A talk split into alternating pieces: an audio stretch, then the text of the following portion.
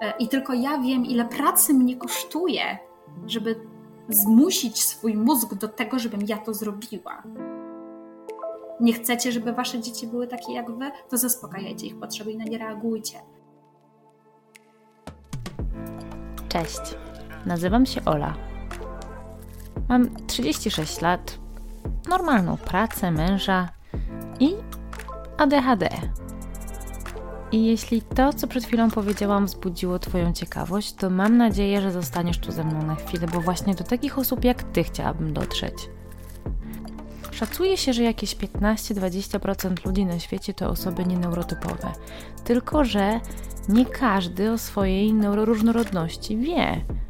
Jest cała masa kobiet, które od zawsze odczuwają pewien dyskomfort, tylko nie do końca wiedzą, jak go nazwać. I bez świadomości tego, co może być jego źródłem, szarpią się ze sobą i cierpią w milczeniu. Bo o ADHD czy szeroko pojętej neuroróżnorodności u kobiet mówi się zdecydowanie za mało. I bardzo chciałabym, żeby ten stan rzeczy zaczął się powoli zmieniać. No i właśnie dlatego tu jestem.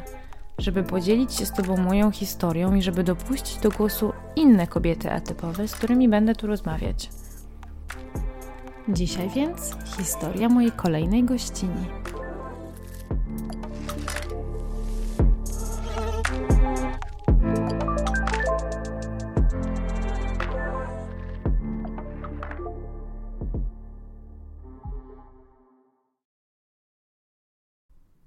Dzisiaj rozmawiam z Renatą Lukas.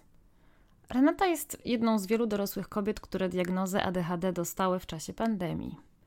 I tak jak w wielu innych przypadkach, zanim do tego doszło, zdążyła już trafić do psychiatry z depresją i zaburzeniami lękowymi.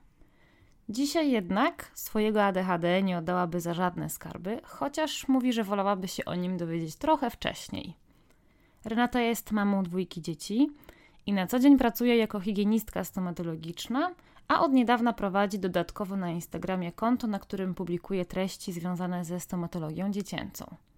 Ale jeśli myślicie, że to wszystko, to chyba niewiele jeszcze wiecie o ADHD.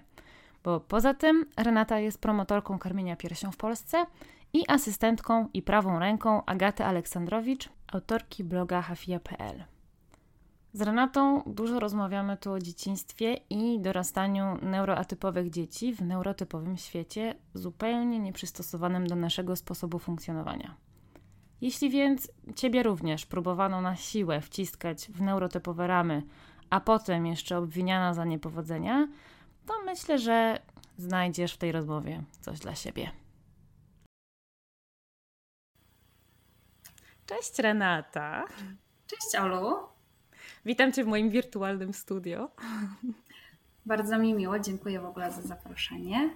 No to ja Ci bardzo dziękuję za to, że zgodziłaś się przyjść ze mną porozmawiać i że w ogóle zgłosiłaś się jako na ochotniczkę. Co, zaczniemy może od początku. Ja myślę, bo. No tak będzie najlepiej. To, jest, to jest chyba. Yy, to jest pytanie, którego nie da się uniknąć. No bo to jest ten taki moment definiujący tak naprawdę w naszym życiu, nie? Na życie przed i po diagnozie. No mhm. więc jak u ciebie to z tym było? Um, Albo może kiedy, kiedy ty się w ogóle zorientowałaś, że możesz mieć ADHD?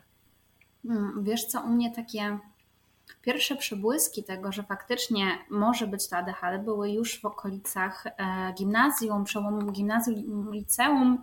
Nawet był taki moment, kiedy byłam mm, pod opieką poradni psychologiczno-pedagogicznej i tam wiem, że też jakiś wątek się pojawił, ale nigdy nie został pociągnięty.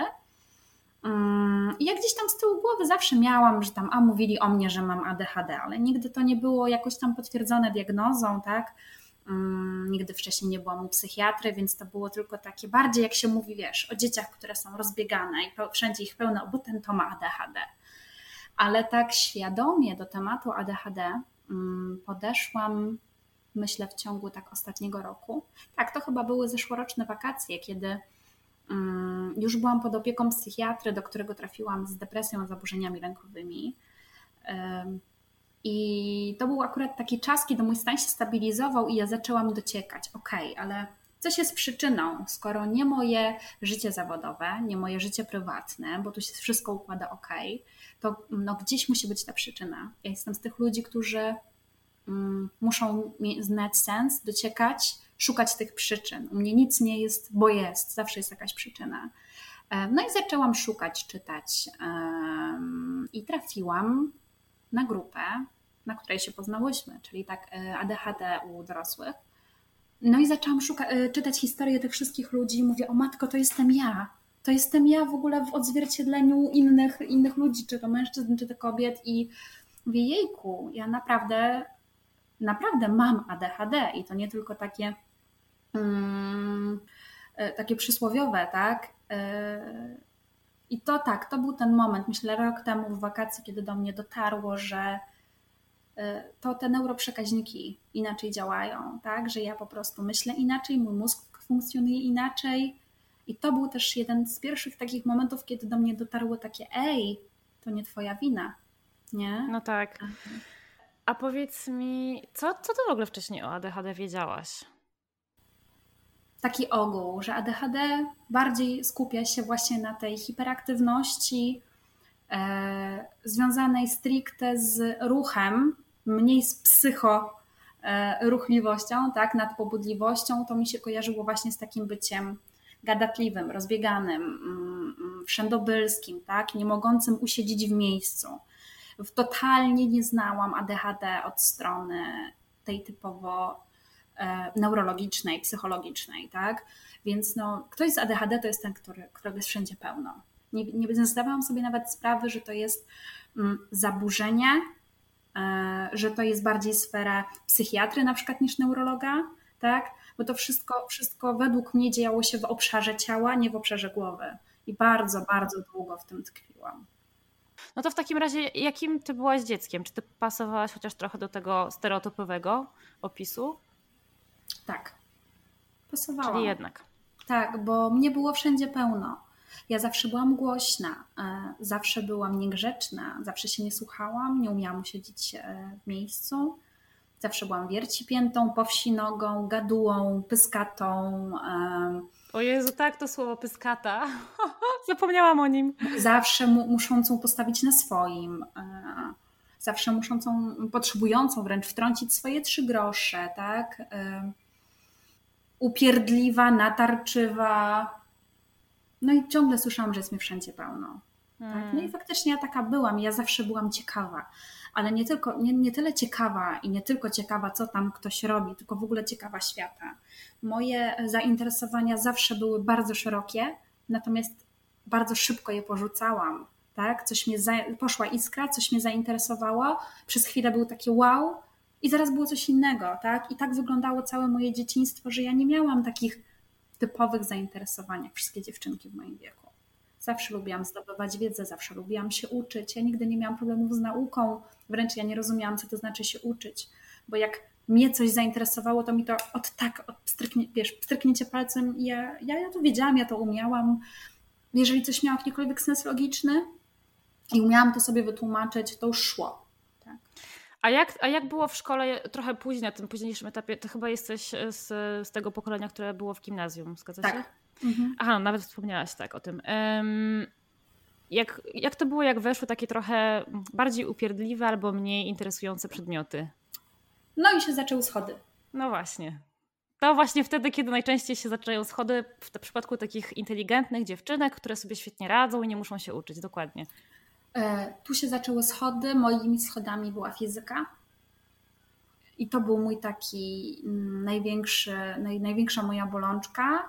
Plus do tego doszło, mm, wiadomo, no już zainteresowanie bardziej chłopakami, e, tak, towarzystwem tak e, już bardziej w stronę właśnie znajomych niż nauki. Mm, też trafiłam na takich ludzi, a nie innych w życiu, z którymi no, spędzanie czasu nie sprzyjało nauce i chodzeniu do szkoły, o tak to powiem. I poległam. Poległam w pierwszym roku e, liceum na fizyce. Ale w jakim, w jakim sensie poległaś? E, nie zdałam. Okay. Po prostu. Tylko wiecie, wiesz, co jest najśmieszniejsze, że ja nie zdałam dlatego, że e, po prostu miałam pały samej, byłam, miałam jedynkę. Nie, ja byłam nieklasyfikowana, bo ja bym to zdała, gdybym ja chodziła do szkoły. A że ja miałam masę nieobecności i jak ja już sobie w głowie powiedziałam, że ja przez to nie przejdę, ja już wiedziałam, że tak będzie. I no już, tak. no. A powiedz mi, powiedz mi taką rzecz, czy dostałaś pomoc od kogoś? Czy ktoś zauważył, że coś się dzieje, że tutaj taka zdolna uczennica i tak sobie świetnie radzi z innymi przedmiotami, a nagle jest problem i nie radzi sobie w ogóle z innymi? Powiem tak. To było zauważone, natomiast pomocy żadnej nie dostałam. Hmm. To było tylko w formie takich pytań retorycznych. Jak to jest, że ty tu masz same piątki i nagle tu masz jakieś w ogóle. A kto, kto zadawał te pytania w ten sposób? Eee, psycholog szkolny mm-hmm. do której notorycznie byłam wysyłana, yy, rodzice. Że z czego to wynika, nie? Że przecież tak się dobrze uczę, a jednak się nie uczę dobrze. No to, że jestem leniwa, że mi się nie chce, że mi nie zależy, że to przecież tylko od mojego chcę albo nie chcę zależy, tak? Czy to pójdzie dalej. Była jedna taka osoba na mojej drodze, ale to już po wielu perturbacjach, gdzie po drugiej zmianie szkoły trafiłam do kolejnego liceum, bo to już przez trzy przeszłam. E, I tam pojawił się problem z rówieśnikami. Przestałam, z racji tego, że tam weszłam w dość silną, dość silny konflikt z grupą i to była duża grupa, jakby klasa moja, w której byłam przeciwko mnie, łącznie z wychowawcą, tak to odbierałam. E, ja po prostu wybiegłam ze szkoły, pamiętam ten dzień, jak gdzieś za takim paniki. I już powiedziałam mamie, że ja tam nie wrócę. Ja tam po prostu nie wrócę. I faktycznie było tak, że ja przez dwa tygodnie się w szkole nie pojawiałam w ogóle i jedna osoba się mną zainteresowała, właśnie psycholog szkolna. Zadzwoniła do mojej mamy. Ja do tej szkoły chodziłam może dwa miesiące, nawet nie, i potem zniknęłam. I zadzwoniła do mojej mamy dlaczego? Bo wiedziała, że, ma, no, że jest nowa uczennica w szkole, która przyszła jakby w trakcie roku szkolnego, była i zniknęła. Nagle jej nie widzę na korytarzu, co się stało. E, I do dziś tej kobiecie po prostu dziękuję, jestem jej wdzięczna, że ona mnie znalazła. E, poprosiła mnie o rozmowę. Porozmawiaj ze mną. Okay, ja się zgodziłam i to było po prostu, wiesz, takie pokazanie mi zupełnie innego światła, takie ja cię widzę, ja cię słyszę, e, ja chcę ci pomóc.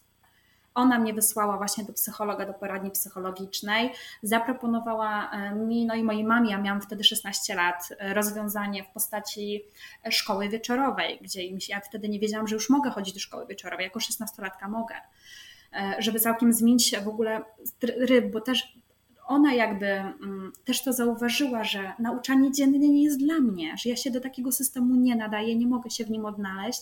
I skoro odbijam się od kolejnej szkoły i jest bardzo podobny problem, mimo że mi zależy i ja chcę, no to trzeba mi pomóc. Mm, więc trafiłam do psychologa, trafiłam do mm, szkoły wieczorowej, gdzie automatycznie już nie, praktycznie z tygodnia na tydzień przestałam chodzić od poniedziałku do piątku do szkoły, chodziłam od piątku do niedzieli. I moje życie się wywróciło o 180 stopni. Dostałam takiego fajnego kopa, że ktoś się mną zaopiekował. Jeszcze kilkukrotnie się z nią spotykałam, rozmawiałyśmy i ona wyciągnęła mnie, wiesz co, z takiego momentu w życiu, że gdyby nie to, że ona wtedy zadzwoniła, to ja bym nie była dzisiaj w tym miejscu, w którym jestem. Mm. Nie? I to była jedyna osoba, która poczułam, że tak realnie wyciągnęła do mnie rękę, bez obwiniania mnie, bez szukania we mnie problemu. No właśnie, ale domyślam się, że ty byłaś ta pierwsza do szukania w sobie problemu, nie? Oczywiście, że tak. Hmm. To jest, wiesz co, ja zadaję ci te wszystkie pytania, bo, bo mam bardzo podobną historię. Ja co mhm. prawda mm, jakoś przez liceum przeszłam. To ciekawe, bo właśnie z jednej strony ja z języka polskiego zawsze byłam świetna, I z tych takich humanistycznych przedmiotów nie było problemu, natomiast oczywiście właśnie fizyka, matematyka to, był, to, to było e, dla mnie koszmar, nie do przejścia. Ale ja na przykład nie zdałam matury z historii. I co jest dla mnie niesamowicie fascynujące, to to, że ja, osoba, która zdała maturę z języka polskiego pisemną na szóstkę i była zwolniona z, z matury ustnej, mhm.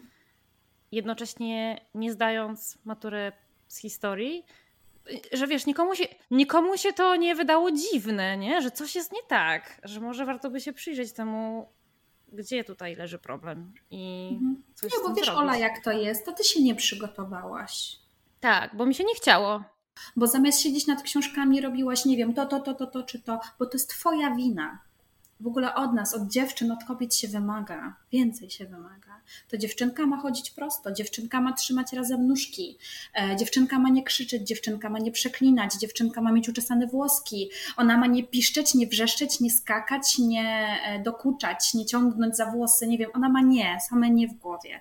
I my się robimy takie maleńkie, i my się dostosowujemy do tego, bo nam nie wolno, nie wolno nam wyrażać siebie, nie wolno nam wyrażać emocji tak, jakbyśmy chciały, a mamy potrzebę robić to w taki, a nie inny sposób. Tak, zwłaszcza to wyrażanie emocji, dokładnie. Jak, jak u Ciebie z tym było, jak byłaś dzieckiem, potem nastolatką? Wiesz co, ja jako dziecko wyrażałam emocje bardzo e, dosadnie wręcz histerycznie bym to określiła. One ze mnie wypływały, ja wybuchałam tymi emocjami u mnie nie było takiego stopniowania. U mnie to od razu przechodziło w taką dosłownie właśnie histerię. Tak? O, to też byłam, właśnie byłam często to określane, że ja często w histerię wpadałam. Ale co jest takie śmiesz, najśmieszniejsze, ja mam takie flashbacki z takiego dość wczesnego dzieciństwa, jak mam 6-7 lat. Ja pamiętam tylko, nie pamiętam sytuacji, ale potrafię w głowie sobie odtworzyć jakiś urywek i tą tonę emocji, jakie się ze mnie wlewały. I ja to do tej pory jestem w stanie poczuć. I ja do tej pory jestem w stanie jakby zobaczyć tą, tą malutką Renatkę, która nie potrafi przekazać tego, co czuje, co się z nią dzieje, bo nikt jej tego nie nauczył. Tak? I krzyczy, i płacze, i tupie, i wrzeszczy, bo nie umie, bo to się z niej wlewa. I jeżeli ona teraz tego nie zrobi, to, to, to nie wiem, to, to się świat zawali. Tak? Mm. To jest jedna no. rzecz, a druga, czy ciebie nazwano, czy ciebie nauczono nazywać Absolutnie. emocje? No, to jest kolejna rzecz, nie? Absolutnie, ja się dopiero uczę teraz tego. Ja się hmm. dopiero uczę teraz tego w wieku 30 lat. No więc właśnie, więc właśnie, kiedy, kiedy się tą małą Renatką zaopiekowałaś i jak to się stało? Co cię do tego dopro doprowadziło albo popchnęło? Wiesz co, tą małą Renatką to się opiekuje mniej więcej tak pół roku dopiero. E, ale ten pierwszy krok do tego, żeby w ogóle ją zobaczyć, bo to od tego trzeba zacząć, że trzeba zobaczyć tą, tą małą Renatkę, trzeba było. To był moment, jak zaczęła się pandemia, jak wybuchł, wybuchł COVID. Ja z racji tego, że wykonuję zawód medyczny, jestem higienistką stomatologiczną i asystuję też lekarzom przy zabiegach, to też jakby ta świadomość tego, jak jesteśmy narażeni też powodowała we mnie dość duży niepokój. No i to był taki czas, kiedy się wszystko pozamykało. Oczywiście, no ja też byłam w domu zamknięta, nie pracowałyśmy, miałyśmy zamknięty gabinet i ja obserwowałam, co się dzieje. Zaczynało docierać do mnie coraz więcej tych informacji, e, jak to źle wygląda, tak? I wyglądało coraz gorzej. Media też napędzały to w sposób taki, a nie inny i dostałam, znaczy nie pierwszego w życiu, ale pierwszego tak silnego ataku paniki, że to był ten moment przełomowy, w którym ja stwierdziłam: Nie, ja potrzebuję pomocy. Hmm. Potrzebuję pomocy, bo ja sobie z tym sama nie poradzę. Ja takich ataków w życiu miałam mnóstwo, tylko jeszcze wtedy nie wiedziałam, że to jest atak paniki. Hmm. To było, że ja wpadam w histerię po prostu, że ja dramatyzuję, że ja wpadam w histerię, nie? E, ale ja nieraz o sobie słyszałam, że jestem walnięta, że jestem wariatka, że powinnam iść się leczyć. I ten moment, kiedy dostałam tak silnego ataku paniki, był taki, że właśnie ja muszę iść do psychiatry. A że był to czas pandemii, mm, wszystko odbywało się online i telefonicznie. Już wcześniej, z racji tego, że ja też administruję dość duże grupy na Facebooku, takie grupy wsparcia dla, dla, e, dla kobiet, dla rodziców to tam się często przejawiają tematy związane też z leczeniem, bo jako promotor karmienia piersią opiekuję się mamami w okresie laktacji, więc ten temat leczenia w okresie karmienia piersią się bardzo często pojawia. Ja sama wtedy piersią karmiłam syna, więc wiedziałam, że muszę szukać specjalisty, który będzie dobrą, umiał dobrać mi leczenie, więc już gdzieś tam miałam z tyłu głowy, kogo mogę zapytać o lekarza i po prostu tak zrobiłam. Napisałam do koleżanki z grupy, słuchaj, wiem, że ty się leczysz w Trójmieście daj mi numer do swojego lekarza, bo ja muszę iść. No i dałam mi numer i ja, ja nie zadzwoniłam, bo ja nawet nie miałam siły zadzwonić. Ja napisałam SMS-a. Hmm. I od tego się zaczęła moja historia e, w 2020 roku w marcu. Czyli dosyć klasycznie pandemia Dokładnie. i pandemiczna diagnoza. Um, albo pandemiczne dochodzenie do diagnozy. Tak. No właśnie, no to co było po kolei? Najpierw zajęłaś się atakiem, mm, atakami Najpierw zajęłam paniki. się tak, atakami paniki, stanami lękowymi, depresją. To był taki pierwszy rzut, to też moja doktor wtedy powiedziała, że najpierw trzeba mnie w ogóle postawić na nogi, bo byłam w bardzo złym stanie psychicznym. E, I to było pierwsze, czym się zaczęłam opiekować. opiekować się sobą, w ogóle zacząć e, dostrzegać siebie w tym życiu, bo zawsze byli inni, mnie nigdy nie było. Ja nigdy nie dbałam o swoje potrzeby, zaczynając od takich podstawowych potrzeb fizjologicznych. Emocje innych były ważniejsze, tylko nie moje. I to był taki moment, kiedy też moja doktor mnie na to nakierowała, że stop, za, musisz się zaopiekować sobą, tak? I dotarło do mnie, że to, co ja wkładam tym wszystkim mamom młodym do głowy na tych grupach wsparcia, to jest dokładnie to, czego ja nie robię wobec siebie samej. Zastanawiam się, czy to nie jest jakieś symptomatyczne, bo im więcej kobiet poznaję, tym częściej to słyszę. I jest to mhm. dość przerażające, ale to samo jestem w stanie powiedzieć o sobie. No właśnie. Ja myślę, że to jest wpisane w, mm, w to, jak pracują wasze mózgi w jakimś stopniu. E, że mamy tak wysoki, mm, wysoko e, rozwiniętą empatię, że zapominamy w niej o sobie. Hmm. Tak? No właśnie, ta empatia. Przypomniałaś mi, e, że wstępnie rozmawiałyśmy o tym, że są nawet badania, które potwierdzają, tak. Że, tak, że tak to prawda, mamy wyżej rozwinięty poziom empatii niż mhm. neurotypowe osoby. Znaczy tak, ja sama aż tak dużo w tym temacie nie wiem, natomiast no, są faktycznie, e, z racji tego, że dużo siedzę w ogóle w badaniach, tak? Bo dużo szukam, dużo, dużo się interesuję, dużo czytam, okazuje się, że jest bardzo dużo takich prac badających funkcje mózgu. E, one są oczywiście bardzo takie mm, pobieżne, no bo no nie jesteśmy w stanie zbadać wszystkiego. No mózg jest tak, tak, taką tajemnicą, że no ciężko jest go zbadać, ale e, są badania, które na przykład mówią, jeżeli chodzi o stopień rozwinięcia empatii, że mm, mózg, tak pokrótce, że mózg człowieka z ADHD jest rozwojem, jeżeli chodzi o tą sferę empatyczną, o tą część układu nawet limbicznego, bardzo zbliżony do obrazu MRI mózgu pięciolatka. Wszyscy wiemy, że dzieci są altruistami. Jest to udowodnione, że nasze mózgi faktycznie w pewnej sferze tak funkcjonują. I to nie jest coś, nad czym jesteśmy w stanie jakby przeskoczyć, bo tak jesteśmy zaprojektowani i tego już nie zmienimy możemy to próbować maskować, ale jeżeli dokopiemy się jakby do tego, do tego swojego wnętrza, to faktycznie tak będzie, że nawet osoba o mega, mega twardym tyłku, której wydaje się, że mm, nic ją nie rusza, jeżeli ona ma ADHD, to jeżeli ona mówi, że ją nic nie rusza, to to jest tylko skorupa, tak? Bo wewnętrznie ona się rozpada, jak widzi, że komuś się dzieje krzywda. Wspomniałaś e, o maskowaniu i właśnie o to Cię chciałam trochę podpytać w kontekście tego, co mówiłyśmy o Twoim dzieciństwie i dorastaniu. No bo jesteśmy oczywiście znane z tego, że maskujemy bardzo dobrze, bardzo często nasze, nasze symptomy związane z ADHD. Jak to było mhm. u Ciebie? Maskować chyba zaczęłam się dość, e, dość szybko z racji tego, że byłam no dość często jakby karcona i, i dość często zwracano mi uwagę na to, że zachowuję się nie tak, jak powinnam. Więc e, to takie, to takie świadome maskowanie pojawiło się u mnie dość wcześnie, bo ja jakby jestem w stanie odtworzyć pewne, pewne rzeczy już z okresu, jak mam w zerówce, czyli miałam 6 lat, tak? Mhm. Że już świadomie czegoś nie robiłam, mimo że bardzo chciałam zrobić coś innego, bo wiedziałam, że jest to jakby niepoprawne społecznie, nieakceptowalne społecznie. Tak? Na przykład? Um, no nie wiem, takie najprostsze rzeczy u dziecka, nie wiem, jak dłubanie w nosie, tak? Czy drapanie się po pupie, od takich najprostszych rzeczy, tak? Albo takich, że jak pani coś mówi, to trzeba siedzieć grzecznie na dywaniku, mimo że ja bardzo nie chcę na tym dywaniku siedzieć, ale wiem, że trzeba. Ta frustracja, i ja czuję tą frustrację, ja ją pamiętam, ja ją czuję nieraz dziś, e, że ja robię coś, co wymaga ode mnie naprawdę, że, że robienie czegoś, żeby czegoś nie robić, tak, wymaga ode mnie tak ogromnego wkładu pracy. I tu mówimy o takich podstawowych czynnościach typu wrzucenie, wstawienie prania, posprzątanie klocków z podłogi, podniesienie tej brudnej skarpetki, która leży już trzeci dzień. E, I tylko ja wiem, ile pracy mnie kosztuje, żeby zmusić swój mózg do tego, żebym ja to zrobiła. Gdzie osoba neurotypowa po prostu podejdzie, to zrobi i ona nawet nie będzie wiedziała, że ona to zrobiła, tak? Ale ona nie widzi, ile ja tej pracy muszę w to włożyć. I to maskowanie e, na pewno mam wyrobione perfekcyjnie, tak? Bo inaczej nie umiałabym się tak odnaleźć w społeczeństwie, jak się odnajduję teraz.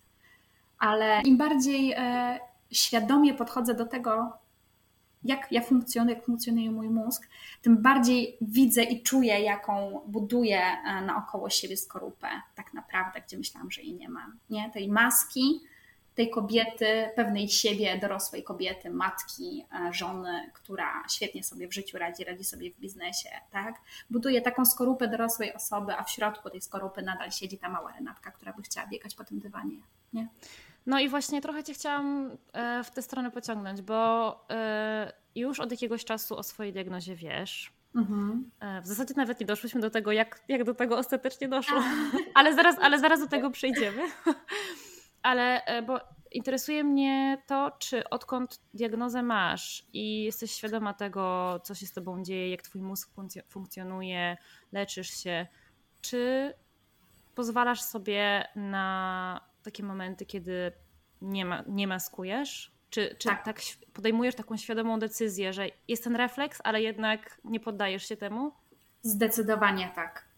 Zdecydowanie bardziej słucham sygnałów idących z ciała a tym samym bardziej podążam za swoimi potrzebami i jeżeli jestem w bezpiecznym dla siebie miejscu, to faktycznie staram się za tym podążać i widzę, jak kolosalnie, ale to kolosalnie zmieniło to jakość mojego życia.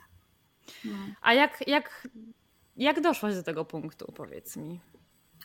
Um, to tak jak już wcześniej wspomniałam, e, najpierw dostałam tą diagnozę, że depresja, zaburzenia lękowe, tak, rozpoczęłam to leczenie i w momencie, kiedy właśnie sytuacja mi się tak zaczęła już stabilizować emocjonalnie, ja zaczęłam coraz więcej szukać, trafiłam na grupę, już byłam praktycznie pewna, że to jest to, rzuciłam hasło mojej psychiatrze. A wie pani co? Mi się wydaje, że ja mam ADHD. Usłyszałam co, ale wie pani co? Mi się też tak wydaje. I z racji tego, że ja odgrzebałam w jakichś starych papierach, jeszcze właśnie z okresów tych licealnych, z tej poradni psychologiczno-pedagogicznej, takie zaświadczenie, którego szkoła wymagała wtedy z poradni, bo ja byłam pod opieką tej poradni, tak, że tam, tam było faktycznie zdanie, że mm, nadpobudliwość psychoruchowa to padało. Nie padła jakaś diagnoza, ale to wystarczyło to zdanie jedno, e, bo jakby pierwsze pytanie było, czy od psychiatry. Czy ja miałam wcześniej jakąś diagnostykę w tym okresie dziecięcym, nastoletnim, tak? Najpierw powiedziałam, że nie, ale zaraz potem było, zaraz, zaraz i wróciłam do tego. Ja mam wszystkie dokumenty od siebie z domu rodzinnego, więc jakby zaczęłam grzebać i szukać, a ja chomikuję takie rzeczy, wiadomo, bo wszystko się przyda. I znalazłam i jej to wysłałam i ona mówi, wie Pani co, idziemy w tą stronę. Okej, okay, mi wszystko pasuje, e, jak najbardziej jestem za tym, żeby potwierdzić to diagnostycznie i spróbować z lekami. E, to był bodajże 14 albo 15 grudnia, bo sprawdziłam, dostałam diagnozę oficjalną ADHD. Czy twoja pani, e, pani doktor specjalizowała się w diagnozowaniu dorosłych osób? Nie. Nie. Jestem jej eksperymentem. znaczy mówisz, gdzie, gdzieś tam liznęła tak, tego tematu, no bo ja pracując jako psychiatra wiadomo, ale nigdy jakby się w tym nie specjalizowała. Ale z racji tego, że już trochę się znałyśmy, ona wiedziała, że ja mam jakieś tam zacięcie takie mm, do, dociekliwo poszukiwawcze, a że mam wykształcenie medyczne, idę dalej też w tym kierunku, że gdzieś tam się orientuję mniej więcej w tych tematach, jak rozróżniać źródła mm, te dobre od tych niezbyt dobrych, poszłyśmy w tym kierunku. Tak? Ona ze swojej strony, ja ze swojej strony. I faktycznie już przy następnym spotkaniu, kiedy ja już z tymi wynikami badań do niej wróciłam z tą diwą, ona już wiedziała, już wiedziała o co mnie pytać, jeszcze zrobiła ze mną szczegółowy wywiad, bo mówi, że aż ją zaintrygowało to po prostu, tak. E, I nawet ma na znanym lekarzu, jak weszłam zobaczyć, już ma wpisane, że ADHD, że, że diagnozuje, że się specjalizuje, nie? I to fajne jest, bo mało jest tych specjalistów. No właśnie, fajnie, fajnie, że wiesz, mimo że nie do końca miała e, kompetencje tak. w, tej, w tej kwestii, to potrafiła się tobą zaopiekować i że sama wyłapała to.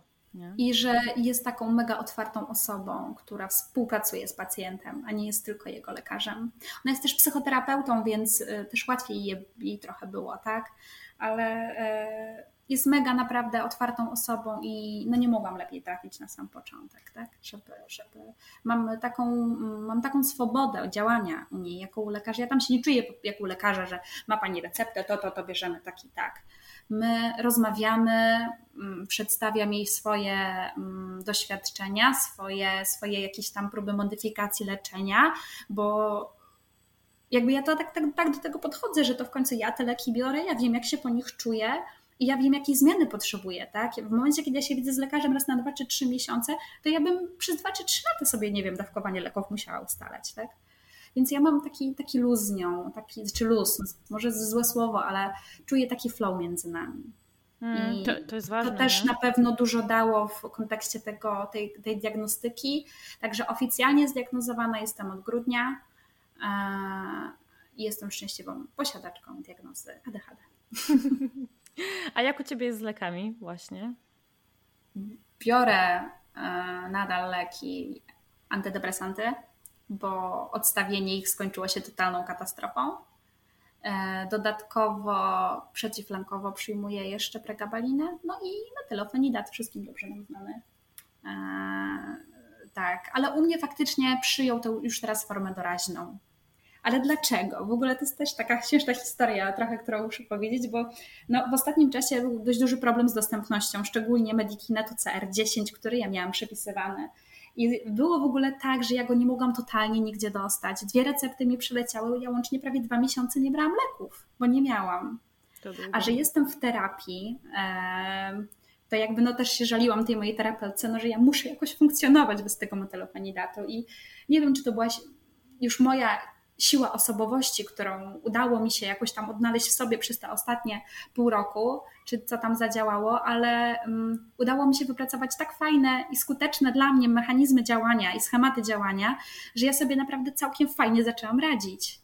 E, fakt, ucieszyłam się niesamowicie, jak w końcu udało mi się leki kupić, ale doszłam do wniosku, że kurczę, ja naprawdę sobie radzę bardzo dobrze więc może zostawić sobie je faktycznie na te leki, na takie naprawdę wyjątkowe sytuacje, bo wiadomo, no też się przyzwyczajamy do tych leków, tak? To działanie też już nie jest takie jak na początku. E, I rzeczywiście mam opakowanie, nawet dwa, od tygodnia, a wziąłam tylko dwie tabletki. Okej. Okay. Wiesz co, ja pamiętam, Pamiętam, jak rozmawiałam z, z moim psychiatrą na samym początku i on mi powiedział, że on ma pacjentów, którzy brali leki właśnie przez jakiś okres czasu, powiedzmy, powiedzmy rok. E, I w tym czasie wypracowywali sobie nowe mhm. strategie radzenia sobie, i po tym czasie podejmowali decyzję, że tak naprawdę leki nie są już im potrzebne, bo mają zupełnie nowe nawyki, które, dzięki którym funkcjonują zupełnie znacznie lepiej. I świetnie, tylko właśnie jedno musi iść w parze z drugim, nie? Właśnie, ja też tak do tego w ogóle podeszłam, do tego leczenia, że nie, tabletka nie rozwiąże magicznie moich problemów, że ona pomoże mi trochę ustabilizować chemię w mózgu, żebym mogła spojrzeć na świat inaczej i zobaczyć wszystko inaczej, ale to nie będzie tak, że nie wiem, mam za wysokie ciśnienie, wezmę tabletkę i ono spadnie. Że to tak nie zadziała, że ja mogę się wspomóc tymi lekami, ale bez mojej pracy nad sobą to one nic nie zmienią. I to mnie też tak pchało do tego, że ja tak brałam leki, owszem, ale to nie było tak, że ja brałam i zapominałam o wszystkim. Właśnie one mi tak rewelacyjnie pomogły e, w pracy nad sobą, że ja sama widzę efekty. Hmm. Jak fajnie mi się udało to wypracować. To powiedz mi, na czym ta Twoja praca nad sobą polega? E, jak, jak uczysz się nowych sposobów radzenia sobie? Wiesz co, może to jest banalne, ale przede wszystkim słucham swojego ciała. Słucham tego, co ono mi mówi, co ono mi pokazuje, bo ono pokazuje bardzo dużo. Z racji tego, że ja mam też CPTSD, tak, to mm, gdzieś ten temat traumy wraca regularnie w moim życiu i te reakcje obronne ciała, one wracają. I e, kiedy przychodzą takie sytuacje, że czuję, że coś zaczyna się dziać, staram się oczywiście, jeżeli mam taką możliwość, skupić przez chwilę na tym, co moje ciało mi chce pokazać, gdzie jest napięcie w ciele, e, gdzie jestem rozluźniona, gdzie jestem napięta i powinnam się rozluźnić, czy ja potrzebuję teraz złapać oddech, czy potrzebuję się napić wody, czy potrzebuję usiąść, czy potrzebuję wstać, tak? Od tego zaczęłam, że zaczęłam się po prostu słuchać. Tak? Z takich prostych rzeczy to w momencie, kiedy na przykład czułam, że, że zaczyna się atak, atak paniki, tak? Takie spójrz przed siebie i powiedz nawet na głos pięć rzeczy, które widzisz obok siebie. Poczuj, że jesteś tu i teraz w tym miejscu, że to, co się dzieje, dzieje się tylko w Twojej głowie, że jesteś w bezpiecznym miejscu. Tak? Jest bezpiecznie. Choćbyś miała wyjść na wariatkę, powtórz to sobie na głos 10 razy i to pomoże. I faktycznie na początku sceptycznie do tego podchodziłam, mm, ale życie dało mi e, parę takich sytuacji, gdzie mogłam, tylko, mogłam to wypróbować, te metody, i byłam w szoku, jak to działa. I to od tego zaczęłam, tak? Od słuchania sygnałów z własnego ciała. No, to nie jest łatwe, nie? Tak nie. weź taką symbiozę ze swoim własnym ciałem. Ale wiesz co?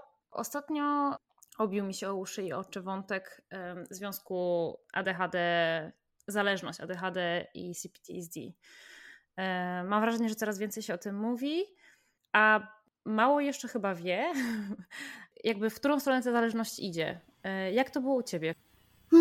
Hmm, znaczy, tak, wiesz co, to jest tak faktycznie bardzo trudny temat, ale mi się wydaje, że u mnie hmm, to się wymieszało tak, że ADHD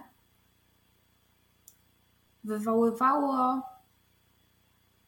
reakcje takie, a nie inne w społeczeństwie, moim takim najbliższym, czyli rodzicach, najprędzej rodzicach, tam babci, dziadko, tym, kto się mną opiekował, jak byłam malutkim dzieckiem. Um, że przy takiej chemii w mózgu, jaką mamy, przy takich skokach dopaminy, spadkach serotoniny, tak, e, mózg jakby rejestrował jak taka fotobudka sytuacje te negatywne, czyli ja zrobiłam coś, bo moje ADHD to we mnie wyzwoliło, ktoś mnie za to skarcił i mój mózg to złapał chyc, jak w taką sieć.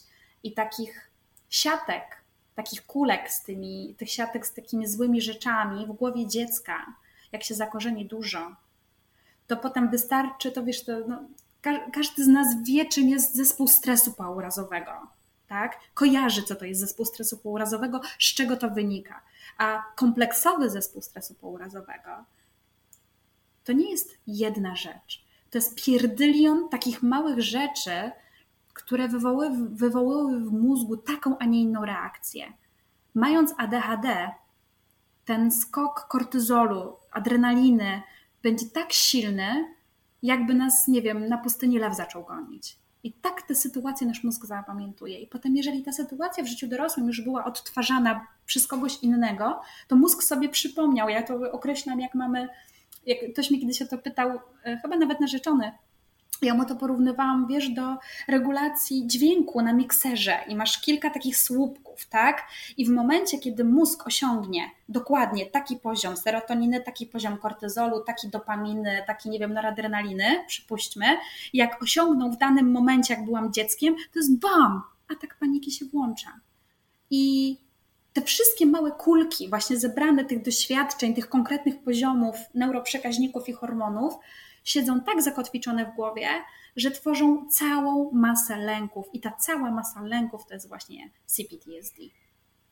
Ja taką zależność widzę.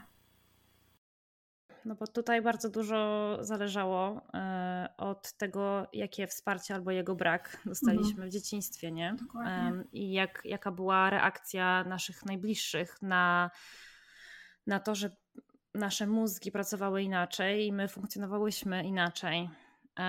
Jak to było w Twoim przypadku z Twoimi, z twoimi rodzicami? No ja tego wsparcia nie miałam. Wiesz, ja jestem DDA. Hmm. Także no też mam trochę nieciekawych wspomnień, tak? E, I ciężko się w ogóle mówi o takich rzeczach, ale no y, nigdy nie byłam zaopiekowana tak, jak powinnam, ani w kontekście takim bytowym, ani tym bardziej w kontekście y, emocjonalnym. W tych sytuacjach, kiedy ja najbardziej potrzebowałam tego wsparcia, tego zaopiekowania się mną, tego zobaczenia mnie, kiedy ja tupałam, krzyczałam, kiedy chciałam, żeby ktoś mnie w końcu zobaczył, to byłam karcona, byłam karana, e, jakieś, była też przemoc w postaci czy krzyków, czy dawania klapsa, tak? E, I czego mnie to nauczyło? Tego, że trzeba być cicho, że nie można wyrażać swoich emocji, nie można wyrażać swojego zadowolenia, że trzeba wszystkich zadowalać naokoło, trzeba się dostosowywać. I niestety tak wyglądało moje dzieciństwo, bo my w ogóle w takich latach, lata 90. to był taki czas, że wszyscy byliśmy tak wychowywani. Tak? Dzieci ryby głosu nie mają, to alkohol w domu, wyganianie wieczne, tak? bo dorośli, dorośli rozmawiają, jakieś klapsy, kary, stawianie do kąta, nie wiem, mnóstwo tego było. I Dzisiaj już doskonale wiemy, jak działa to na mózg dziecka. W momencie, kiedy mamy do czynienia z takim typowym małym dzieckiem, no to znaczy z takim dzieckiem, jakim teraz mówimy, tak, czyli jakieś właśnie kary, klapsy i takie rzeczy, to jakby wszyscy wiemy, że to nam szkodzi i szkodziło, tak, już wiemy, wiemy jak ta psychika się rozwija, ale takim jeszcze mega, mega ważnym aspektem, o którym muszę powiedzieć, jest okres niemowlęcy i okres dziecięcy, taki wczesnodziecięcy. E, który jest bardzo często pomijany w takich opisach właśnie, co się dzieje z dzieckiem, które jest niezaopiekowane, ale e, weźmy na przykład dziecko, które leży w łóżeczku, niemowlaczka, takiego kilkumiesięcznego i płacze. I mądra babcia nagle mówi: Zostaw go, niech się wypłacze, popłacze, popłacze i przestanie. Nic mu nie będzie, bo będzie wiecznie wymuszał, tak? I co się dzieje w mózgu takiego dziecka? Po co ono płacze? ono płacze, bo ono ma potrzebę. Ono potrzebuje, żeby ktoś się w tym momencie nim bezbronnym zaopiekował. Co się dzieje w mózgu takiego dziecka, kiedy ono zostaje pozostawione bezbronne samo. Ja nie mówię o sytuacji, kiedy, nie wiem, lulamy dziecko na rękach, jesteśmy blisko niego, ono czuje naszą bliskość i ono płacze, bo coś się dzieje, to jest zupełnie coś innego. Mówimy o dziecku, które jest pozostawione samo do wypłakania tak zwanego. Co się w jego mózgu dzieje? W mózgu dziecka, które się dopiero rozwija, poziom kortyzolu rośnie do niewyobrażalnych poziomów dla takiego małego dziecka. I pamiętajmy, że to jest ten okres, kiedy ten mózg się kształtuje, on się dopiero uczy, ile to jest dobrze, ile to jest źle, tak? Dla, dla organizmu. On tak naprawdę nie wie. I jeżeli my non-stop narażamy to dziecko na takie poziomy kortyzolu, my mu degenerujemy mózg już na samym starcie. My na samym starcie mu zapewniamy, że ono będzie miało zaburzenia lękowe. Tak? I jak ja słyszę, że niemowlę czy małe dziecko wymusza, że manipuluje, to mam ochotę po prostu wziąć i za przeproszeniem strzelić w łeb. Nie chcecie, żeby wasze dzieci były takie jak wy, to zaspokajajcie ich potrzeby i na nie reagujcie. Bo zostawianie dziecka bez reakcji właśnie tworzy to, z czym my się teraz borykamy, o czym tutaj teraz rozmawiamy. Wasze dziecko nie wymusza. Ono nie chce zwrócić na siebie uwagi, ono ma jakąś potrzebę. Za każdym zachowaniem dziecka idzie jakaś potrzeba, i to naszym obowiązkiem jest znaleźć tą potrzebę, a w drugiej kolejności nauczyć dziecko komunikować tą potrzebę. Ale to jest dalej nasz obowiązek i to my potem jesteśmy za to odpowiedzialni jako rodzice, że nasze dziecko ma w przyszłości zaburzenia lękowe. Hmm. Temat jest Ci bliski z dwóch powodów. No po pierwsze, ze względu na Twoje doświadczenia osobiste, ale mhm. jest to w pewnym sensie też część Twojej pracy. Tak. I tu zaczynamy temat rzekę. Uwaga, nastawcie się na kolejne dwie godziny. E, to się wytnie. Się wytnie, tak, to, to się wytnie, to jest ten moment. E, tak, ponieważ ja będąc w drugiej ciąży, mm, doszłam właśnie do tego etapu, o którym teraz rozmawiamy, że ja nie chcę być takim randomowym rodzicem. Już wtedy, już będąc, już mając małą córkę, wiedziałam, że można zupełnie inaczej te dzieci wychowywać, zupełnie inaczej je kształtować, tylko to był jeszcze taki moment, kiedy ja raczkowałam. I ten takim bodźcem głównym była ta druga ciąża i tak naprawdę chęć karmienia piersią. Z pierwszą córką mi się to karmienie nie udało. Mówię, ja, ja spróbuję z drugim dzieckiem. Drugie dziecko, nowy start, może się uda. I zaczęło się wszystko od tego karmienia piersią. E, zaczęłam szukać informacji, jak to mama w ciąży, tak, o rozwoju ciąży, dalej o tym karmieniu piersią. Trafiłam na blog hafia.pl, tu stawiam reklamę. E, taki duży polski blog o karmieniu piersią, prowadzony przez niesamowitą dziewczynę, mm, która jakby stała się moim takim, jak określamy w naszym świadku, guru laktacyjnym. i zaczęłam czytać. Z jej bloga trafiłam na grupę wsparcia na Facebooku. Wtedy to się jeszcze była grupa wsparcia kwartalnika laktacyjnego bo okazało się, że ta sama dziewczyna, która prowadzi tego bloga, jest wiceprezesem Fundacji Promocji Karmienia Piersią, która też zarządzała tą grupą na Facebooku i wydawała kwartalnik laktacyjny, czyli gazetę poświęconą tematyce rodzicielskiej e, i związaną z ciążą z karmieniem piersią. I ja tej grupie wsparcia już widziałam, że jestem w miejscu, w którym być powinnam, bo tak jest fajnie, jest empatycznie, są bardzo ściśle ustalone zasady, to co my lubimy, są ściśle ustalone zasady, co można robić, czego nie można robić, za co się z grupy wylatuje, jakie są rzeczy zakazane i że to jest grupa oparta na EBM, czyli e, Evidence-Based Medicine, czyli medycynie opartej na dowodach naukowych, więc wiedziałam, że tam to, co tam wyczytam, będzie się zgadzało z tym, co jest w rzeczywistości, bo no przecież tak chcę. No i zaczęłam zbierać teraz to szerzej wiedzę, pogłębiać tą swoją wiedzę na temat tego karmienia piersią, tej laktacji. Mm, dość szybko, no jako, że to była moja fiksacja, mój taki hiperfokus na to, tą wiedzę zdobywałam, bo mnie to bardzo interesowało. Zaczęłam się bardzo intensywnie w tej grupie udzielać jako rodzic po niedługim czasie zaproponowano, właśnie ta dziewczyna, autorka tego bloga wielkiego, zaproponowała mi współpracę w postaci wolontariatu właśnie w Fundacji Promocji Karmienia Piersią i moderowanie tejże grupy. Jako, że widzi, że wiedzę już mam, że zasady znam, no to możemy rozpocząć współpracę. I tak e, w 2017 roku rozpoczęła się moja przygoda z Fundacją Promocji Karmienia Piersią, e, która trwa do dziś. I e, zaczęłam od administrowania tej grupy, Potem zostałam zaproszona bezpośrednio już do współpracy z Agatą Aleksandrowicz, czyli właśnie autorką bloga hafija.pl. Do dnia dzisiejszego jestem jej asystentką i prawą ręką, jak to Agata mówi, i prywatnie jesteśmy sobie bardzo bliskie. Eee, I zaczęłam być e, aktywistką, czyli działać na rzecz, e, na rzecz mm, promocji karmienia piersią w Polsce, e, normalizacji karmienia piersią w Polsce no i wspierania y, rodziców, matek, dziewczyn w ciąży, które chcą w tym kierunku iść, bo jest to naprawdę temat, który w naszym kraju leży. A jest to no, nieod, nieoderwalna część rodzicielstwa, więc to, to rodzicielstwo też, też tam liznęłam. I z racji tego, że wszystkie, jakby wszystkim nam mm, bliskim był bardzo temat i jest rodzicielstwa bliskości, który też opiera się niesamowicie mocno na psychologii dziecka, szłam też w tym kierunku. Tak? I tutaj docieramy do tego momentu po takim długim wstępie, no, który musiał być. E, bardzo mocno zaczęłam się interesować taką psychologią stricte dziecięcą, rozwojem dziecka, rozwojem mózgu dziecka, e, noworodka, małego, niemowlaka, małego dziecka, jak to w ogóle wszystko wygląda, tak? Z czego się biorą pewne rzeczy, właśnie dlaczego dzieci są takie, a nie inne.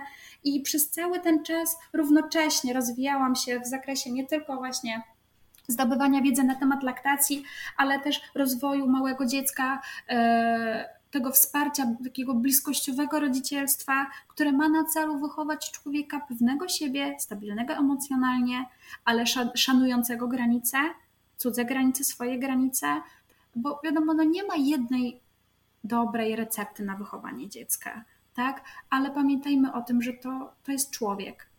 To jest ciekawe, że tak naprawdę to, co wiemy na ten temat, teoretycznie się zmieniło w międzyczasie, od, odkąd my byłyśmy e, dziećmi. Natomiast mam wrażenie, że w przestrzeni publicznej jeszcze ta, ta świadomość naprawdę bardzo kuleje. Bardzo. Do, nawet do dziś, mimo że e, bardzo głośno się o tym mówi, tak, E, do dziś można naprawdę bez problemu na ulicy spotkać sytuację, kiedy, nie wiem, dziecko jest okrzyczane, czy nawet dostaje klapsa, czy jest szarpane za rękę. E, do dziś ludzie nie chowają się, nawet się nie chowają, e, otwarcie stosują przemoc względem swoich dzieci i dla nich to nie jest przemoc. Ile razy w życiu usłyszałaś, że klaps to nie jest bicie? O, no bardzo, no. bardzo wiele. Aha, i ja wtedy tak mówię, okej, okay, czyli jak skoro klaps to nie jest bicie, czyli jak ja się do ciebie wkurzę, to mogę do ciebie podejść i strzelić w twarz. No bo to też nie jest bicie, to jest też wychowawcze, bo ja nie chcę, żebyś ty tak do mnie mówiła, tak? No jak, jak by się taki człowiek wtedy zachował, nie? Jakby ktoś tak nagle do niego podszedł i mu trzask po ryju, nie? Wiesz co, pamiętam, no. e, rozmawiałam o tym z moim mężem. Pytałam go o to, czy dostawał klapsy w dzieciństwie. On, jego pierwsza odpowiedź była taka, że E, nie, nie, klapsów to nie. Że tylko, tylko po twarzy dostał parę razy. O matko. No. I ja pamiętam, pomyślałam sobie wtedy, że chyba już wolałam te swoje klapsy, że dla mnie strzelenie dziecka w twarz jest tak czymś tak upokarzającym dla tego dziecka, mhm. że nie jestem w stanie sobie wyobrazić, jak rodzic mhm. może się zdobyć w ogóle na coś takiego.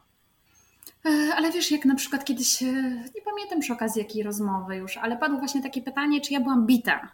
No nie, ja nie byłam absolutnie, nie byłam bita. A dostawałaś klapsy? No tak. Oczywiste, nie? A wiesz, że to było bicie? No jak bicie? Wiesz, i dla mnie to też było takie nagle, what the fuck, nie? Ale o co chodzi?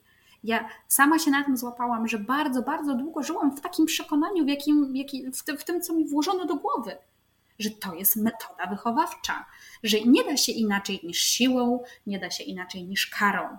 Przecież jak ja y, mówię teraz o, o, tym, że można wychowywać dzieci bez kar, to na mnie patrzą, co ty kobieto w ogóle tak, wychowywanie bezstresowe, my to znamy, a potem wchodzą na głowę, nie? Naprawdę ludzie nie rozumieją, że można wychowywać człowieka, małego człowieka, okazując mu szacunek, i że tak naprawdę, jeżeli chcemy nauczyć dziecko szacunku, to zacznijmy je sami, sami szanować. Dawajmy mu przykład. Skoro uczymy dziecko, nie wiem, sprzątać sprzątając, uczymy je myć zęby, myjąc zęby, uczymy je jeść jedząc, to dlaczego chcemy uczyć dziecko szacunku, nie okazując mu szacunku? Hmm, bardzo dobre pytanie. Nie? Myślę, że należałoby je zadać e, ogromnemu procentowi naszego tak. społeczeństwa. No niestety, bardzo to jest przykre, ale tak, jesteśmy jeszcze, jeszcze, jeszcze. Dużo, dużo czasu musi upłynąć. Powiedz mi, bo wspomniałaś o tym, że jeśli chodzi o laktację w Polsce, to bardzo z tym słabo. Dlaczego tak jest? Wiesz co, przede wszystkim edukacja u nas leży bardzo mocno, jeżeli chodzi o edukację w szkołach. Od od szkoły już jakby zaczynamy. E, bardzo mało się mówi o tym, mm, czym jest tak naprawdę mleko ludzkie, mleko kobiece, e, jak karmienie piersią jest ważne dla rozwoju dziecka, co my dajemy temu dziecku i sobie karmiąc je piersią, e, jakie są z tego korzyści. A to się pomija w ogóle. To jest tylko, wiesz, że jest coś takiego, że wszystkie ssaki karmią, tak, że jest laktacja, jest gruczoł, bla, bla, bla. Koniec, nie? Przechodzimy dalej do następnego tematu. Tu się zaczyna już problem. Eee, problemem jest to, że na studiach medycznych temat laktacji też jest liźnięty. A to, co w ogóle jest w tych książkach, jest nieaktualizowane, jest najczęściej niezgodne z prawdą i my wypuszczamy do, yy, z uczelni medyków z nieaktualną, nieprawidłową wiedzą.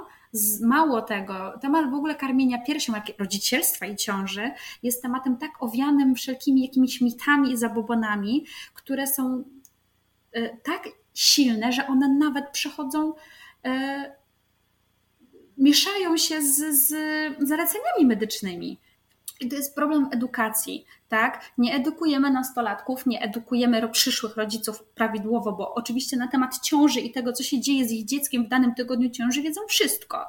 Na temat tego, jak produkowane jest kobiece mleko albo jak pracuje gruczoł, nie wiedzą nic. Bo nie są edukowani. Dlaczego? Bo lekarze nie są edukowani, bo położne nie są edukowane tak, jak powinny, bo nie ma środków na tą edukację, bo um, jeżeli położna, czy pielęgniarka, czy lekarz chce iść na kurs taki sensowny, to musi już zapłacić za to z własnej kieszeni. Jak ma zrobić to pielęgniarka, która zarabia 4000 na rękę? No tak. No i jest źle, jest źle na, na, na, na poziomie edukacji, już na poziomie edukacji, potem na poziomie finansowania tej edukacji, na poziomie finansowania pomocy, takiej prawdziwej pomocy laktacyjnej, która w Polsce nie jest refundowana. Gdzie są edukatorzy do spraw laktacji? Zgodnie z przepisami w każdym szpitalu powinien być edukator do spraw laktacji, osoba przeszkolona.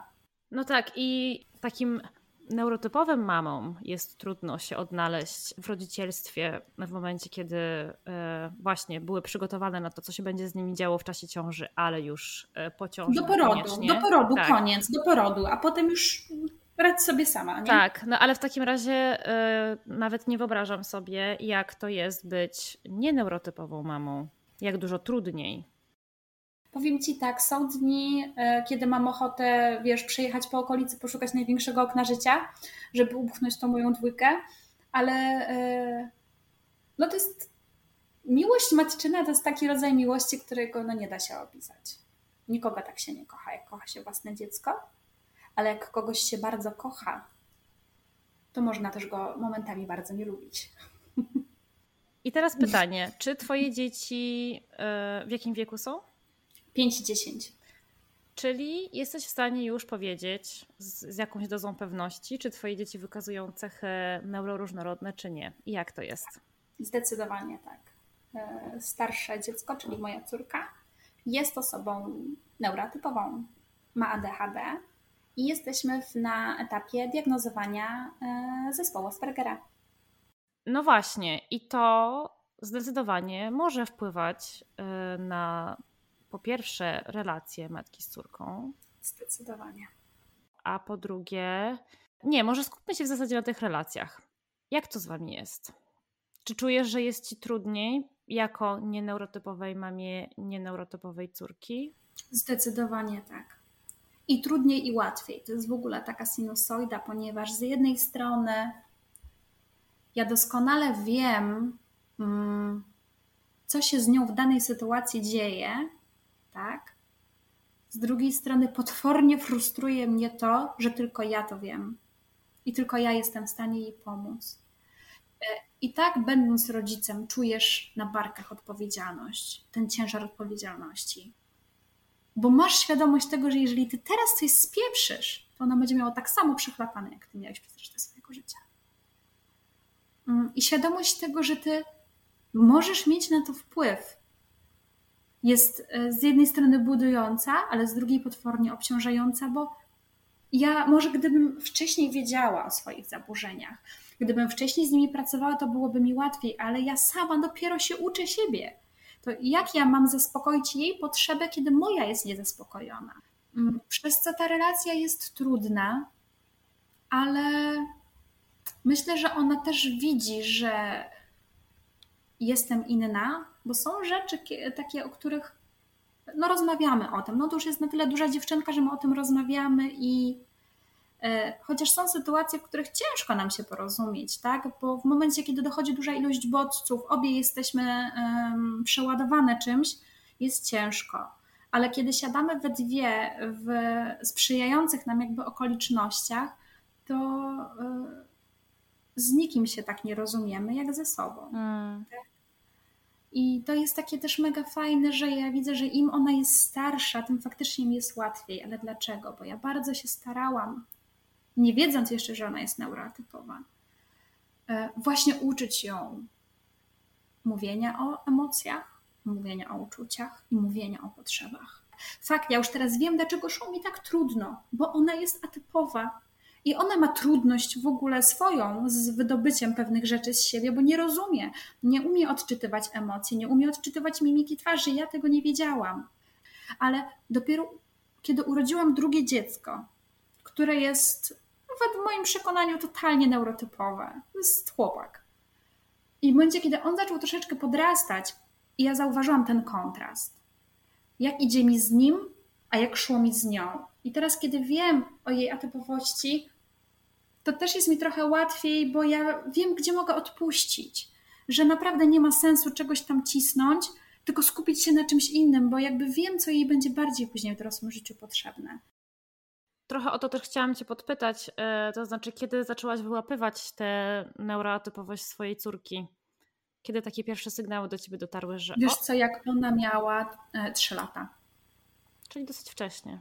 Tak. I wtedy już y, zaczęła się nasza praca właśnie z poradnią psychologiczno-pedagogiczną, z, z, z mm, terapią integracji sensorycznej, bo wtedy już wyłapano, że są zaburzenia integracji sensorycznej, zaburzenia czucia głębokiego, tak, i nad tym trzeba popracować. No i faktycznie, że ta jakaś taka hiperaktywność jest, no ale u tak małego dziecka i tak nie diagnozuje się ADHD. No ale to i tak szłyśmy rok po roku, rok po roku i jak e, dziecko miało lat e, 6, około 6-7, trafiłyśmy właśnie pierwszy raz do psychiatry, która po półgodzinnej rozmowie już wiedziała, że faktycznie jest, jest ewidentnie ADHD. Hmm. I czy ty robisz wszystko, co w twojej mocy, żeby twoja córka nie musiała maskować i nie musiała udawać, że jest neurotypowa? Staram się. Staram się przede wszystkim na swoim przykładzie jej pokazywać. Chociaż jest to dla mnie tak potwornie trudne, bo wiesz, zdjęcie tej maski publicznie jest potwornie trudne.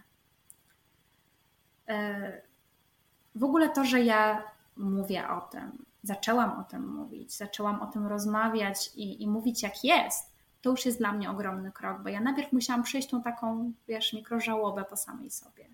Nie? Dokładnie. Jak długo ci to zajęło? Oj, z rok co najmniej. Długo, długo mi to zajęło. To no musiałam tą żałobę przejść, ale właśnie bardzo chcę pokazać swojej córce, że neuroatypowość nadal jest normą. No bo co to jest norma? Tak? To jest po prostu coś, co społeczeństwo sobie ustala, tak? No to tak jakbyśmy nagle ustalili, że normą jest blond kolor włosów, a my wszystkie jesteśmy nienormalne, tak? To jest zdrowe dziecko, po prostu inaczej funkcjonujące, tak? Po prostu inaczej odczuwa.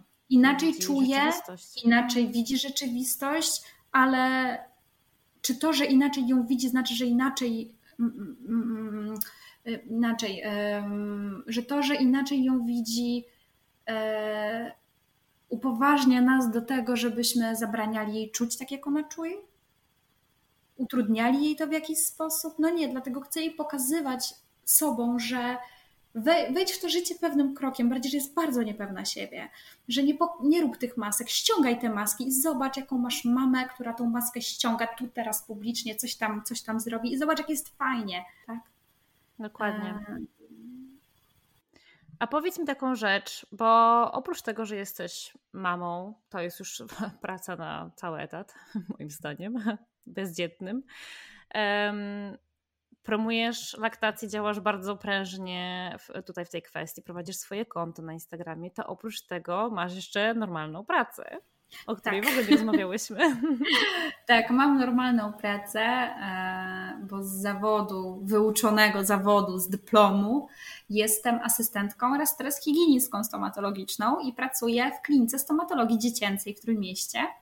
To jest mój zawód, który wykonuję na co dzień, który kocham, też kocham miłością ogromną, więc na co dzień jestem panią, panią asystentką z gabinetu, e, która asystuje dentyście, która przygotowuje dzieci do zabiegów, która opowiada o ząbkach, uczy, uczy higieny, usuwa kamień, piaskuje ząbki, tak, to ja jestem tą panią. Taka praca jest chyba idealna dla kogoś, dla kogoś e, z ADHD, co? Tak, pod warunkiem, że jest odporny na pewne czynniki. Bo to jest praca, która wymaga jednak jakiegoś stopnia odporności na stres. Mimo, że jej to totalnie nie mam, ale spoko, ale trzeba być odpornym na stres. trzeba na pewno umieć podejmować szybko decyzje. E, trzeba mieć łeb jak sklep, żeby się tego wszystkiego nauczyć. A, to przede wszystkim e, właśnie. I trzeba. E, gdzieś chciałam powiedzieć, zapomniałam. To było bardzo, bardzo takie meta. Jakie to jest nasze, nie? Coś jeszcze trzeba mieć na pewno, ale no, zapomniałam co. W każdym razie... E, Wiesz co, bo o co, o, o co chciałam cię zapytać tak naprawdę? Bo osoba, która łączy tyle aktywności jednocześnie, jest mamą, spełnia się zawodowo i oprócz tego jeszcze działa w internecie, robi 100 tysięcy różnych, różnych rzeczy. Jak ty to ogarniasz? Ja tak z logistycznego punktu widzenia, biorąc pod uwagę to, że mimo wszystko masz ADHD. Powiem ci, że y, nie mam totalnie zielonego pojęcia. Jadę na samych deadline'ach. Mm, zawsze wszystko robię na ostatnią chwilę i to po prostu płynie. Jakby Logistycznie nie ogarniam w ogóle. Kompletnie. Znaczy, od niedawna prowadzę kalendarz, bo w końcu mnie życie do tego zmusiło, że jak raz, drugi, trzeci ktoś do mnie zadzwonił, że gdzie ja jestem, bo byliśmy umówieni, eee, co? No, to doszłam do takiego momentu w życiu, że zaczęłam prowadzić kalendarz, bo już po prostu przestałam ogarniać, wiesz, gdzie jeszcze w tym wszystkim umówić, nie wiem, dziecko czy siebie do lekarza, tak? I za dużo było takich sytuacji, no to, to tak, ale ogólnie jakby logistyka jako logistyka u mnie bardzo słabo działa. Gdyby nie mój narzeczony, to ja nie wiem, my byśmy tu zginęli chyba głodem, przymarli. ale to i po prostu wiesz co, no to wiesz jak to działa, to są impulsy. Po prostu wiesz, że są rzeczy, które musisz zrobić i je po prostu zrobisz, mimo to, tego, że totalnie ci się nie chce. Pod warunkiem, że to są rzeczy, które nie dotyczą ciebie. Poza tym to jest też trochę chyba tak, że naprawdę im więcej mamy do zrobienia, tym, tym lepiej sobie radzimy, bo jednak ten poziom dopaminy jest trochę wyższy. No tak, powiem Ci, że zdecydowanie więcej. wielokrotnie to powtarzałam też, że ja im mniej miałam pracy, a coś miałam do zrobienia, to nie wiem, napisanie pracy jakiejś czy coś po prostu było totalną męczarnią, mimo że ja miałam na to kupę czasu, to, to się nie dało. A nagle jak doszło ileś innych czynników, ileś innych nagłych rzeczy, czy albo nagle się okazało, że Jezu, pomyliłam termin, to nie jest na za tydzień, tylko na jutro, to nagle, tak jak mówisz, dopamina leci w górę i jedziesz z koksem. I tu nie ma, że nie masz czasu. I tak jak mówisz, my im więcej mamy na głowie, tym faktycznie lepiej się organizujemy, bo nie mamy czasu na obniżenie tego poziomu dopaminy. Ona cały czas leci w górę. Tak? Ona jest cały czas czymś podbijana, nie wchodzi ta nuda, bo jak ona już wejdzie, to naprawdę ciężko jest ruszyć.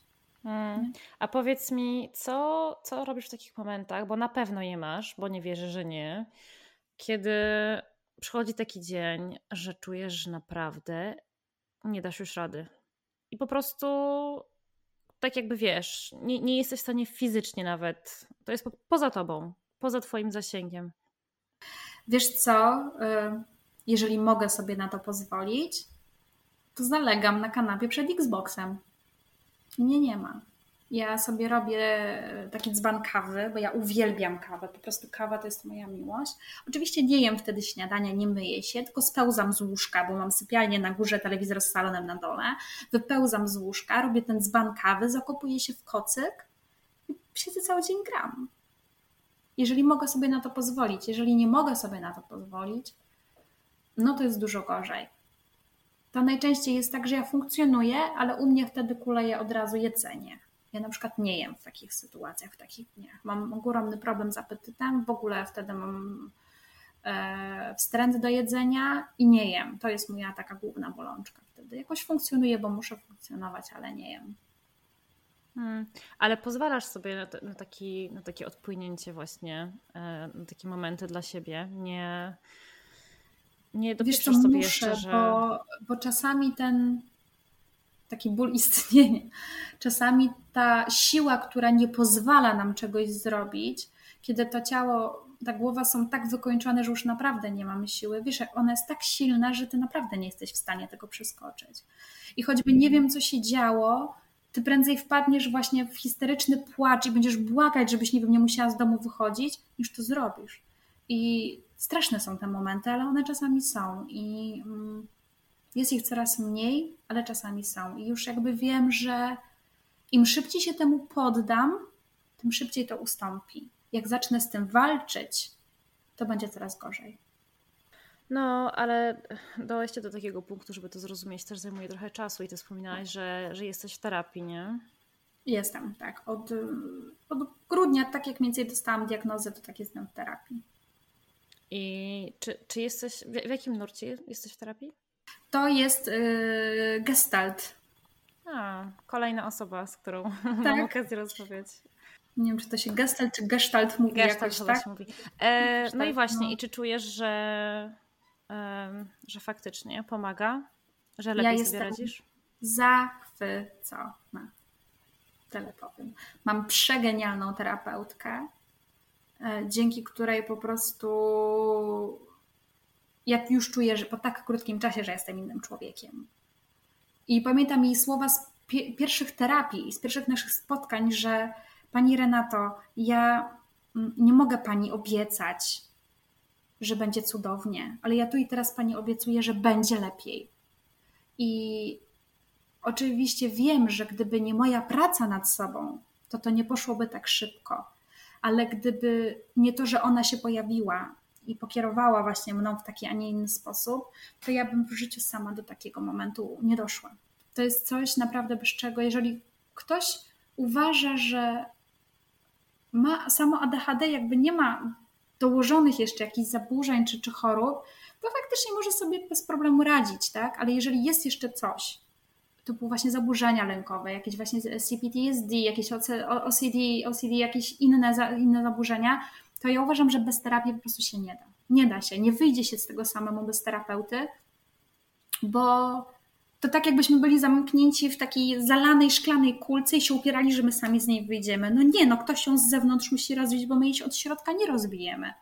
Także... A powiedz mi, czy twoja terapeutka um, na ADHD się zna? Tak, tak. Celowo szukałam terapeuty, który siedzi w tym głęboko i się na tym zna.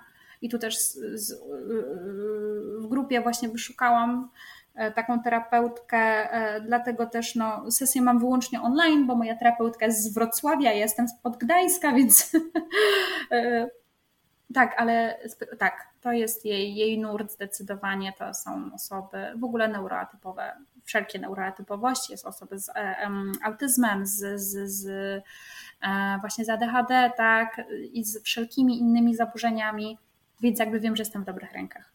Trudno było znaleźć kogoś, kto, kto się na tym zna? Znaczy, wiesz co, ja po prostu wrzuciłam na grupie e, wyszukiwarkę sobie, że ty psychoterapeuta i to nazwisko, które się najczęściej przewalało przez grupę, to do, do tą osobę znalazłam na znanym lekarzu i tam się umówiłam. Po prostu tak zrobiłam. Bo myślę sobie, że widzisz, nie wiem, czy, czy, czy pamiętasz, jak ja dzieliłam się swoją historią, ale ja ciągle mam taki, takie poczucie, że tak mało e, się nadal o ADHD mówi na tyle, że terapeuci, psychologowie po prostu niewystarczająco na ten temat wiedzą. To prawda. Um, no. I tu jest, tu jest pies pogrzebany, nie? Mhm. Bo jak potem pomóc takiej osobie, która przychodzi e, i ty próbujesz jej pomóc tradycyjnymi metodami, ale one zupełnie nie działają przecież. Nie, nie działają i potem ktoś z tej terapii rezygnuje, bo ona się nie sprawdza, bo wręcz frustruje. Tak, to zdecydowanie w ogóle temat ADHD, już pomijam, u dzieci jest bardzo kiepsko rozwinięta, co dopiero u dorosłych. Przecież wiesz jak to jest, 18 lat koniec, już nie masz ADHD, nie? Tak, dokładnie. E, wiesz, do tej pory można od tylu nawet psychologów usłyszeć, że nie istnieje ADHD, albo że e, teraz to każdy ma ADHD. I standardowy tekst, ty, ty nie wyglądasz na ADHD. Tak, nie? tak. tak, że no, to tak trochę jak z tą laktacją. Jeszcze musi dużo, dużo mleka upłynąć, żeby coś się zmieniło, bo wydaje mi się, że to nie tylko, czy a może tylko, nie wiem, no na pewno jest to jakoś tam związane z krajem, w którym mieszkamy, czyli u nas w Polsce. Nie wiem, jak jest u ciebie, tak, ale hmm, chyba wszędzie w ogóle jest problem, jeżeli chodzi o ADHD dorosłych. Tak, ja myślę, że krajem, który jest trochę bardziej, trochę bardziej do przodu w tej kwestii są Stany, ale um, to też widać po metodach um, pomocy, jakie są dostępne nie? w Stanach w porównaniu do tego, co, co mamy um, Polsce. Tutaj jest trochę lepiej niż w Polsce, mam wrażenie, ale ten temat dopiero też zaczyna gdzieś tam wchodzić na salony, że tak powiem. E, I w związku z tym kolejki do specjalistów są bardzo długie. E, ale tak. E, jeszcze myślę, tak jak mówisz, musi, musi dużo mleka. Tak, dokładnie. Musi, musi minąć trochę czasu, ale przede wszystkim właśnie te, po to to robimy teraz, tak? Jak rozmawiamy, tak? Dopóki my nie zaczniemy o tym głośno mówić, nie zacznie nas coraz więcej się pokazywać, że halo, my tu jesteśmy i my normalnie funkcjonujemy, żyjemy w społeczeństwie i nie jesteśmy jakimiś, nie wiem, wybrykami natury, to, to to nie będzie takie, wiesz, normalne, no bo tak naprawdę e, też co widzisz, kiedy słyszysz autyzm, słowo autyzm, że ktoś ma autyzm, tak? My jesteśmy wychowywani w przekonaniu, że osoba z autyzmem to jest ta osoba, która siedzi, nie ma z nią totalnie kontaktu, buja się do przodu, do tyłu i jest w ogóle wyłączona, tak? Absolutnie. I to jest w naszych oczach autyzm, gdzie spektrum autyzmu, nie bez powodu to słowo spektrum jest tutaj zaznaczone, jest tak szeroko rozwinięte, że my sobie nawet nie zdajemy z tego sprawy. No ale dlaczego? Bo jesteśmy wychowywani w takich schematach, tak? Jesteśmy nauczeni szufladkowania. To jest obrzydliwe po prostu i naprawdę musi co najmniej z dwa, trzy pokolenia jeszcze przejść, żeby to się mm. uspokoiło.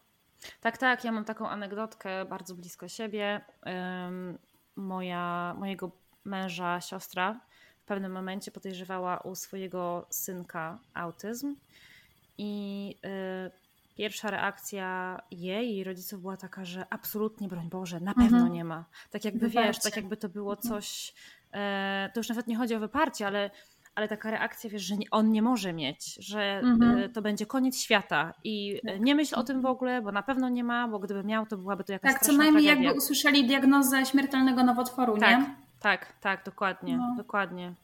Jakby to był koniec świata właśnie. No, zgadza się. I wiesz, to są inteligentni ludzie, więc co dopiero... Ale i znowu wchodzimy na ten sam, e, e, dochodzimy do tego samego momentu, ale edukacja. Tak, absolutnie. Teraz i tak na przykład już widzę, jak mm, coraz już jakby inaczej dzieci mm, patrzą na osoby na przykład z niepełnosprawnościami. Dlaczego? Bo są z tym oswajane. To już nie jest coś nienormalnego, że pojawia się ktoś na wózku, czy ktoś o kulach, albo że do klasy przychodzi ciemnoskóry uczeń, tak? To się zaczyna normalizować, ale dlaczego? Bo mamy z tym styczność, bo, bo to jest na co dzień, bo się o tym mówi, bo się to pokazuje, bo, bo, bo to jest. Nie robi się tematów tabu, tak? Nie robi się z tego czegoś takiego, wiesz, o matko kochana, nie, bo nie mów mu, nie mów, bo coś, tak?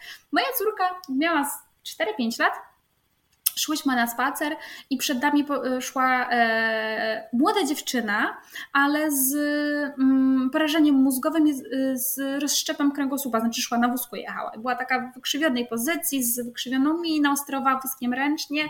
I moja córka zapytała ma głos, mamo, a dlaczego ta pani ma taką dziwną buzię? Wiesz co? Nie wiem. To chodź może podejdziemy się zapytamy. Podeszłyśmy i zapytałyśmy, Córka dostała szczegółowe wyjaśnienie, dlaczego pani ma taką. Pani sama opowiedziała, bo pani mówiła, dlaczego ma taką buzię, dlaczego siedzi na wózku, pokazała, jak ten wózek działa, wytłumaczyła, na czym polega jej choroba, i tylko było takie, aha, i tyle. Normalizacja. Tak? To jest normalizacja, tak? Bo wśród nas są osoby niepełnosprawne, są osoby z zaburzeniami, nie wiem, w ogóle co, cały czas jakby wracam do tego, co znaczy słowo normalny. Tak, tak, tak, dokładnie. Co to znaczy trzeba, słowo normalny? To nie? powinna być pozycja wyjściowa, dokładnie. dokładnie. Podaj, podaj, mi definicję normalności. Słowa normalności, dokładnie, definicję słowa normalne, normalności. Mhm. Ale wiesz co, zapytałam o to moją poprzednią rozmówczynię i chcę Ciebie też o to zapytać, bo myślę, że to jest takie, to będzie takie tematyczne chyba u mnie. Mhm. Gdybyś mogła wybrać taką jedną najważniejszą dla ciebie rzecz związaną z neuroróżnorodnością, o której chciałabyś, żeby wszyscy wiedzieli, to co by to było? Hmm, ale powiem Ci, trudne pytanie zadałaś, bo to tak hmm, na szybko odpowiedzieć, muszę się zastanowić, bo wiesz, że wiesz co, że hmm, czuję więcej i widzę więcej. Chyba to, że, że my bardziej czujemy, my bardziej rozumiemy, ale też bardziej cierpimy, bardziej bierzemy do siebie, e, łatwiej nas skrzywdzić. My jesteśmy bardziej, po prostu. Jesteśmy bardziej. Nie wiem, czy ty masz na przykład tak, że masz nadreaktywny słuch? A właśnie o to chciałam też Cię zapytać. Absolutnie, oczywiście. Słuchaj, ja siedzę mhm. e, w domu, oglądam serial z moim mężem i słyszę, co sąsiad na górze robi, i mnie to doprowadza do szału. Tak. Natomiast mój mąż on tego nie słyszy, on może dalej oglądać serię, ale, a ja muszę tak. iść do sąsiada zapukać i mu powiedzieć, stary, ścisz ten telewizor. Jak siedzę, oglądam, mam piętrowe mieszkanie i siedzę w sypialni, na górze oglądamy serial i słyszę, jak na dole w łazience pod prysznicem kapie woda. Kolejna hiperaktywność, tak? To, nie, to nie jest hiperaktywność tylko ciała, to jest hiperaktywność mózgu. My czujemy bardziej, widzimy bardziej, słyszymy bardziej ale to bardziej działa też w tą stronę, że będziemy bardziej kreatywni, będziemy mogli się bardziej rozwijać, będziemy mogli szybciej się rozwijać, bardziej wejść w jakiś temat. Tylko trzeba nam dać do tego y, jakby możliwości, trzeba nam dać przestrzeń do tego. Dokładnie, dokładnie. Mhm. E, I właśnie, to może tak na podsumowanie, bo trochę już sobie rozmawiamy. Mhm. e, powiedz mi, co ty w tej swojej neuroróżnorodności lubisz najbardziej u siebie? Ten taki chyba dziecięcy zapał do wszystkiego, wiesz? To strasznie lubię sobie. I nie chciałabym tego za żadne skarby oddać, bo to daje mi tyle radości i takiego, takiej chęci, wiesz, do życia. E, fajne to jest. To, to jest taka rzecz chyba, którą tak najbardziej z tego wszystkiego lubię. E, to, że właśnie chcę, mm, chcę się angażować, chcę brać udział w różnych rzeczach, że chcę po prostu być i chcę tak być mocno z przytupem. Hmm, podoba mi się ta odpowiedź i powiem Ci, że ja chyba odpowiedziałabym podobnie, gdyby ktoś zadał mi to pytanie, szczerze mówiąc. Hmm. Kiedyś myślałam o tym jak o słomianym zapale, a teraz właśnie wolę sobie myśleć e, o tym jako takiej właśnie um, takiej dziecięcej ciekawości i chęci mhm, robienia tysięcy, tak. tysiąca rzeczy jednocześnie. To jest super e, przesłanie na podsumowanie, na zakończenie, myślę. Ale czyli co? W sumie to fajnie jest mieć ADHD. Tak, nie oddałabym. E, ja chyba też nie. Wcale się nie dziwię. Fajnie jest mieć supermoce, naprawdę, tylko trzeba nauczyć się je wykorzystywać. Hmm. To jest naprawdę, to jest naprawdę dobre, dobre słowo na zakończenie. Tak. E, słuchaj, dziękuję Ci przeogromnie za tę długą rozmowę. Troszkę nam się przedłużyło. E, ja Ci bardzo dziękuję, Olu, za zaproszenie. Jest mi niezwykle miło, że, e, że mogłyśmy tutaj porozmawiać, bo e, tak jak się spodziewałam, była to bardzo fajna rozmowa. Mam nadzieję, że nie ostatnia. Nie, ja również, ja również. Bo, bo to jest to. Nasze historie wzajemnie rezonują w nas, nie? Mam wrażenie. Tak, zdecydowanie. Chyba o to chodzi. Gdzieś wszyscy się spotykamy w jednym punkcie i to też jest jakby taki znak dla nas, że powinniśmy tworzyć społeczność taką wspierającą się mocno, bo mamy ten wspólny mianownik. A jak mamy wspólny mianownik, to już z tych yy, wszystkich rzeczy naokoło możemy i tak zrobić jedną całość. Także im będzie nas więcej, im bardziej się będziemy jednoczyć, im bardziej będziemy się wspierać nawzajem, yy, tym po prostu będzie nam w życiu łatwiej. Tak jest. Wszystkim. Tak jest, zgadza się. I tym oto właśnie akcentem. Jeszcze raz wielkie dzięki. Dziękuję również. Cześć. Cześć. Pa.